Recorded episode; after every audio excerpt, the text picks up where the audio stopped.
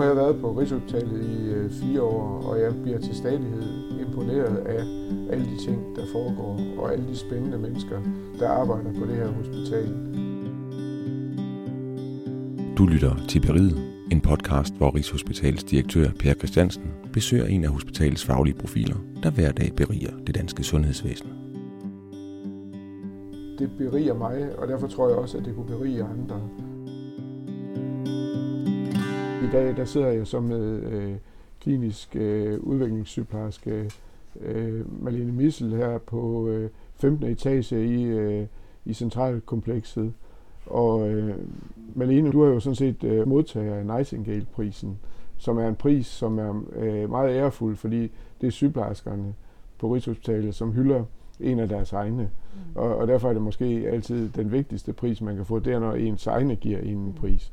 Og når du har fået den pris, øh, og så, så øh, blev jeg også interesseret, fordi det du øh, fik prisen for, det var jo din evne til at sætte øh, patienten i centrum, eller i virkeligheden leve op til det, som politikerne ønsker, vi skal leve op til, at det er patientens situation, som styrer forløbet. Mm.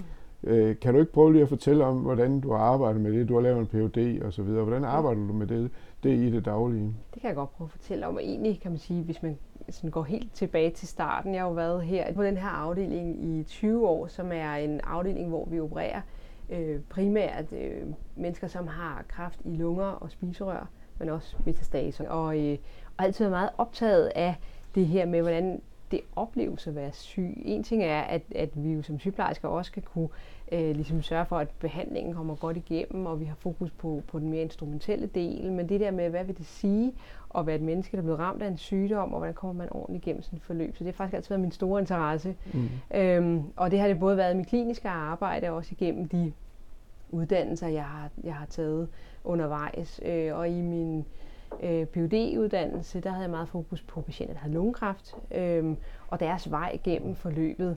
Både sådan helt åben i forhold til, hvad vil det sige, når man får en diagnose pludselig med en kræftsygdom, og så kommer man ind og bliver opereret, så er man ude på den anden side. Er man så øh, helt og færdig og repareret? Mm. Og nej, det er man ikke. Øh, der, der følger en masse ting med, som handler om ens identitet, ens roller i livet og, og så videre, som, øh, som jeg har været meget optaget af. Det er jo sådan set ret spændende, fordi når, når jeg øh, øh, tænker lungekræftpatienter, så er det jo for mig lidt et tal i en kræftpakke, ja. hvor at vi ikke helt opfylder de øh, tidsfrister, vi skal overholde. Ja. Men, øh, men noget af det, du måske kunne, kunne uddybe i den sammenhæng, det er jo, hvorfor er det, at det også for den her patientgruppe nogle gange, selvom man tænker, at folk har en livstruende sygdom, men alligevel træffer de også nogle gange nogle, nogle valg, der gør, at, øh, at behandlingen måske bliver længerevarende, end, end man egentlig oprindeligt havde tænkt i de kraftpakker. Nogle gange er det patientens eget valg, at vi ikke opfylder sådan en kraftpakke. Hvad er det for noget ja. valg, der ligger hos patienten, der gør, at de ikke lader sig behandle så hurtigt som muligt? Ja. Jamen det kan jeg godt sige noget om, fordi da jeg havde øh, interviewet patienter, mange patienter lige umiddelbart efter de havde fået deres diagnose med lungekræft, og der har de jo været igennem et længerevarende udredningsforløb inden på flere måneder, fra de selv tænker, der er et eller andet, der måske er mm. galt, mm. og så til de står med en diagnose. Og så skal der gå de der hvad, 10 hverdage, mm. inden at man bliver øh, opereret. Og for patienterne, så man, man kunne godt selv tænke, det må da være dejligt, så kommer man ind og får mm. det ordnet med det samme. Det er faktisk svært ved at følge med rent mentalt, eller hvad man skal sige. Mm. De, de havde ikke ligesom sig selv med i det. De synes næsten, det gik for stærkt. På den ene side var det rart, at, ja. at man blev taget alvorligt, at man blev opereret. Og på den anden side, så synes de simpelthen, det gik meget hurtigt. Og det gjorde måske, det kan jeg jo ikke sådan sige, fordi jeg kan jo ikke forudsige noget. Øh, det, det er ikke den slags forskning, jeg har lavet, men, men at den tid efter operationen var helt fuld af sådan øh, følelsesmæssig kaos, mm. og mhm. øh, gud, hvad det, jeg har været igennem. Og de havde selv sådan en idé om, at det var fordi det faktisk gik lidt stærkt. Så der er jo nogen, der måske i den forbindelse godt kan finde på at, at sige, at kunne jeg vente lidt. Du lytter til Beriget, en podcast om faglige fyrtårne på Rigshospitalet. Den viden, du nu har om lungekræftpatienter og din Ph.D., mm. hvad, hvad, hvordan spreder vi den viden øh, i virkeligheden? Du, øh, både til din egen afdeling, men også ja. i virkeligheden ud over hele hospitalet? Ja, men, altså, Øh, for jeg, jeg tænker, det er, jo, det er jo en viden omkring det her i lungekræft, men jeg tror også, det gælder rigtig mm, mange ja, andre forløb, ja. og specielt de her øh, fast-track forløb. Ja. Men det der med, at altså, jeg gør jo selvfølgelig det i, i selve i afdelingen, der har vi jo talt om de øh, resultater, jeg har. Øh, mest blandt sygeplejerskerne. Mm. Kirurgerne har også øh, øh, læst og hørt noget. Øh, og, og prøver at tage det ind, når vi kigger mm. på patientforløbene. Nu er der lige noget omorganisering med nogle af patientforløbene i gang i forhold til, øh, hvor tidligt skal man komme ind før, og, og der har man kigget ja. på, skulle de komme ind dagen før, eller to dage før, eller tre dage før, hvor jeg kunne sige, jo, men hvis vi hører, hvad det er, patienterne siger, så skal de jo også lige have tid til at fordøje den information, mm. og det, de skal igennem osv. Så, ja. så på den måde ind, så går jeg jo også ud andre steder på hospitalet, og, og selvfølgelig også nationalt og internationalt, og fortæller om, om fundene, og det er jo ja. en af måderne at kan, ja. kan få det ud men, men, men i virkeligheden, så er du i en verden, hvor at, øh, her på Rigshospitalet, der taler vi meget om alt det der tekniske. Mm. Og, og, og nu kommer du med nogle af de her synspunkter, som kan gøre, at dem, der nu har besluttet sig for, at vi kan, vi, patienten kan bare møde om morgenen osv., hvordan er den dialog? Er, den, øh, er det sådan en ligeværdig dialog, tænker du, eller er, det, er man udfordret i den dialog som, med den viden, du nu har? Ja, det, der kan godt være nogle udfordringer ja. i den dialog. Øhm, og det kan jo være, altså være på det helt konkrete, når man drøfter det lokalt, kan man sige. Ja. Så er der selvfølgelig også udfordringer i forhold til hele det med at lave den her, skabe den viden, der ja. består af patientoplevelser. Det, det, det, er jo, det er jo stadig ikke sådan det mest anerkendte. Mm. Det bedste er jo, hvis vi kan komme ud med nogle tal. Og ja. det er jo det er der jo mange, der efterspørger. Og det er jo både klinikere, men det er jo også ledelse. Øh, så, så på den måde kan det godt være lidt udfordrende. til at skal, og jeg tror, det var derfor også, jeg fik øh, den Nightingale-pris, fordi at det er et kæmpe arbejde at blive med at holde fast i. Det betyder noget, hvad patienterne siger, og behandlingen er ikke komplet, hvis ikke vi også har taget deres perspektiv ind. Jeg synes jo, at der er to udfordringer, fordi udover den der udfordring med, at der er noget, der, der også skal foregå sådan, kan i virkeligheden blive lidt teknisk med, at man får lavet den rigtige operation på det rigtige tidspunkt, og, og mm. skal have patienten ind. Så det bliver sådan en sådan logistikøvelse. Og så er der den, det med patienten. Og lige nu, eller ikke lige nu, måske over de sidste 10 år, der har det der pres været, øh, at man føler, at der er for lidt tid til i virkeligheden at tage den snak med patienten, mm. som du lægger op til, man skal tage. Hvordan øh, føler du, er det, er det bare blevet sværere, eller er det i virkeligheden øh, også et spørgsmål om at insistere på at tage det, den snak? Jeg tror, man skal insistere på ja. det, øh, og så skal man også tænke, at det ikke nødvendigvis noget. Det, kunne, det kan jo godt lyde som en ekstra samtale, man er nødt til at skal tage, men måske er det også en tilgang, man er nødt til at skal tage til patienten, hvor man på en anden måde er åben over for, hvad er det, der fylder mm. for dig, når du kommer her ind i det her forløb kunne det her se ud som en måde for dig? Øhm, så, så jeg tror ikke, det altid afhænger af tid, og, og, og tingene skal strømlige. De skal gå hurtigt. Ja. Vi, vi har et pres på, på ressourcer og så videre. Så selvfølgelig skal det det. Det anerkender jeg meget. Så det handler meget om at arbejde, tror jeg, med tilgangen mm. hos de sundhedsprofessionelle til mm. patienten. Ja. Og prioritere måske, man, det er de samme mennesker, man får set. Så man følger den samme historie også øh, hos den enkelte patient. Og jeg ved, altså jeg siger det også, fordi jeg har lige lavet, øh, jeg sidder og arbejdet med, øh, har lavet interviews med patienter, vi har med kræft i spiserøret og i de palliative forløb, mm. øh, omkring værdighed. Øh, og noget af det, som, som de siger, øh, de patienter, det er, de kan godt se, der er travlt. De kan godt se, at de sundhedsprofessionelle har travlt. Men når de er der, så er de til stede. Ja. Og det kan de mærke. Og det med, at man kan huske deres navn, og man kan øh, mm, øh, designe sin information i forhold til, hvad den enkelte har behov for, man kan høre, og man kan fornemme. Det betyder rigtig meget. Men, øh, så, og det er jo en del af, kan man sige, det personcentrerede. Eller det, ja, det tænker jeg også. Altså, det, det, det synes jeg jo er en, en meget, meget rigtig og vigtig ting, fordi det, det er jo egentlig ret mange gange, man hører det. Øh, at jeg hører det også, når jeg åbner telefonen. Altså, patienter, der ringer ind og siger, øh, at de er godt nok travlt, men øh, de er også øh, utrolig øh, lydhøre over for øh, vores behov og så videre. Men hold kæft, hvor har de travlt, og det er egentlig mm. det sidste budskab, de godt vil have ja. igennem til mig, ja. det er, at man, at man har for travlt. Og, og jeg ved ikke, om man kan gøre så meget ved det, men jeg synes, det er rart at høre det der med, at, øh, at det nærvær, der, det, er der, mm. så, det er jo en del af DNA'et ja. hos øh, vores øh, plejepersonale. Ja.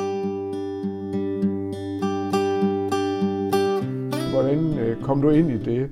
Hvis du sådan kunne folde det ud, at du lige pludselig blev klinisk sygeplejerspecialist. Øh. Men det kan jeg godt, ja. Altså jeg har været øh, ansat som sygeplejerske i afdelingen øh, i, ja det har været de sidste 20 år. De første indtil hvad, de første 5-6 år, tror jeg, der altså arbejdede som sygeplejerske i, i skiftende mm. vagter mm. og, og så videre. Så fik jeg muligheden for at læse en kandidatuddannelse i sygepleje.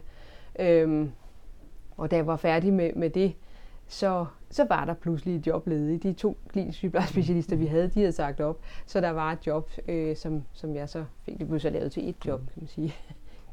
Så det var egentlig min vej ind i det. Og jeg fandt hurtigt ud af det der, den der kobling mellem at kunne, kunne have de sygeplejersker, der står med patienterne hver dag og med de problemstillinger, mm. og så de kompetencer, jeg havde fået i forhold til ligesom at kunne udvikle øh, nogle af de ting. Og der har vi øh, for de patienter, vi har, der bliver opereret for kræft i spiserøret, fået udviklet nogle, sådan en indsats med nogle ernæringssamtaler, mm. som sygeplejerskerne var på kursus i noget pædagogik. Jeg fandt forskning i forhold til, hvad er problemstillingerne, og så fik vi samlet, øh, sammen lavet øh, en, en guide til, hvordan kunne det se ud, og så kunne jeg evaluere, om ja. det overhovedet havde nogen betydning for patienterne, at vi gjorde det. Hvordan øh, definerer I det selv sådan i forhold til forskning?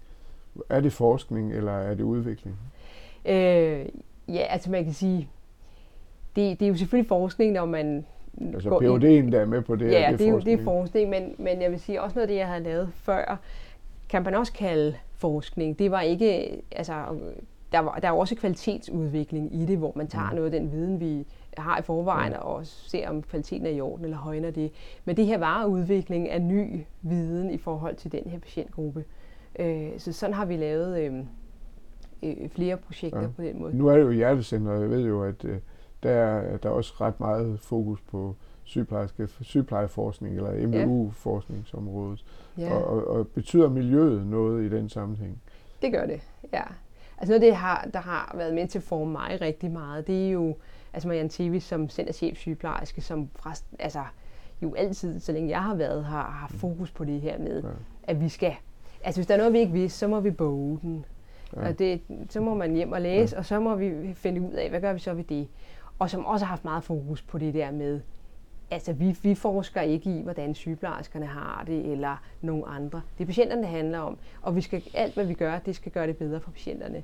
Så om det er forskning, eller udvikling, eller kvalitetsudvikling, så er det, så er det patienterne, det handler om.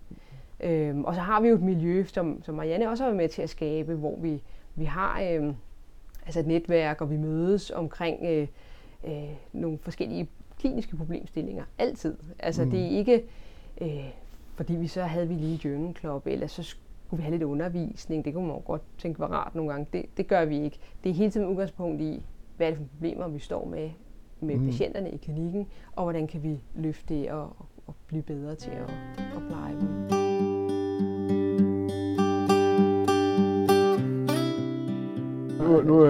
Får du lige om lidt, så får du lov at ønske. Men nu har jeg sådan øh, egentlig behov for et godt råd for dig, fordi ja. når nu at man, øh, man hører det her, så det, det er jo ikke første gang, den her historie er fortalt, at det også har noget at gøre med, at man har en centerchefsygeplejerske, der ja. går meget op i det. Ja. Hvad, hvad, hvad skal vi gøre i direktionen for at få det her til at sprede sig?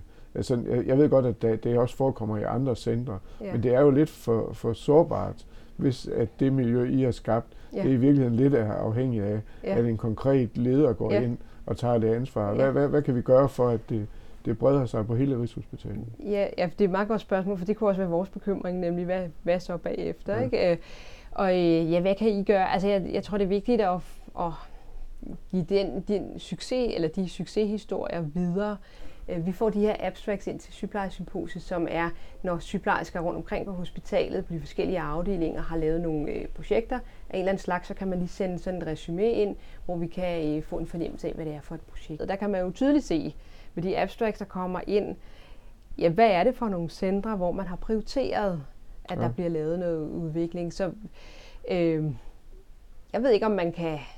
For jeg kan også godt høre, at der er forskellige holdninger til det blandt øh, ledergruppen. Mm. Og man kan sætte nogle krav om at sige, det vil vi også, hvis det skal være øh, ordentlig evidensbaseret pleje og behandling, så skal der være nogen, der kan ja. gå ind i noget af det arbejde, og det på en eller anden måde bliver en, bliver en prioritering. Nu, nu, nu øh, snakker vi meget om, og, og det, det tror jeg betyder meget, det der med med centerchefsygeplejersken. Men betyder det også noget med, med hvad, hvad, hvordan lægegruppen tænker på det her? Fordi nu er hjerte-lunge-karkirurgisk øh, og infektionsmedicinsk center jo i virkeligheden et center, hvor man har en rigtig, rigtig tung øh, forskningsportefølje i forvejen mm. på, på, øh, på, på lægesiden. Ja. Øhm, selvfølgelig betyder det noget, at man også har øh, på en eller anden måde, om, om ikke direkte samarbejde, men man har i hvert fald en, en respekt for hinanden mm. som faggrupper, og at, at man fra lægegruppens side også er med til at, at se på, jamen selvfølgelig skal vi også højne plejen. Øh, ja. Og det, det synes jeg er noget af det, jeg også har oplevet ja. her. Det, vi har ikke så mange direkte samarbejder øh, omkring forskningen desværre, men, men øh, der er i hvert fald en anerkendelse og en respekt for, at, at sygeplejen også skal være bedst mulig ja. øh, evidensbaseret, man skal sige, eller ordentlig. De, som Danmarks øh, førende lungekirurgiske afdeling, så vil de også have nogle sygeplejersker, som ved, ja. hvad de laver, og som ja. agerer efter bedste viden.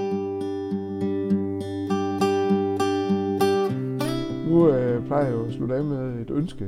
Ja. Hvis du har et ønske til direktionen, noget vi kan gøre for at forbedre øh, det, du arbejder med, hvad, ja. hvad, hvad, har du et bud på det? Øhm, Altså det, som jeg kunne ønske mig sådan fra, altså ja, fra jeres side som, som hospitalsledelse, det er på en eller anden måde, jeg ved ikke hvordan det skal kunne lade sig gøre, men at sætte på dagsordenen, at det her med patienternes oplevelser, patienternes mm. erfaringer, personcentreret og den kvalitative forskning, kan man sige, at den er lige så vigtig mm. som den biomedicinske forskning. Og nu kan jeg jo, har jeg jo fået øh, Nightingale-prisen, og jeg har også fået øh, penge til fire kvalitative forskningsprojekter mm. fra hospitalet, så man kan ja. sige, det er jo på den måde, kan jeg godt se, at så anerkender man jo også noget af det. Men at det på en eller anden måde bliver talesat i det store billede også. Når man går ind og læser visionerne og hvad, forskningsvisionerne, hvad er det, vi skal, at vi selvfølgelig skal også højne den kvalitative øh, forskning. Men jeg tror uh, roligt, jeg kan sige, at uh, grunden til, at jeg også snakker med dig nu, det er jo sådan set fordi, at, at jeg også har en idé om, at det her kan lidt være for meget skåltaler, man siger omkring det her med patientinddragelse mm. og lytte til patienten og patientens forløbet. Og det vi har brug for er jo sådan set at få det transformeret til at blive øh, mm. realitet. Ikke? Yeah. Så, så jeg, jeg, jeg lover dig i hvert fald, at, at det her har vi ret meget fokus på.